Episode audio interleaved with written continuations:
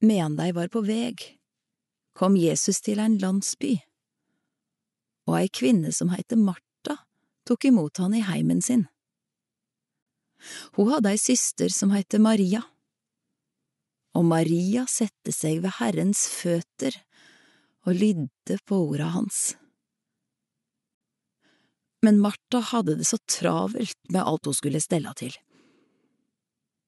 Og hun gikk bort til dei og sa, Herre, bryr du deg ikke om at søster mi let meg være tjener åleine? Si til henne at hun skal hjelpe meg. Da svarer Herren, Martha, Martha, du gjør deg strev og uro med mange ting,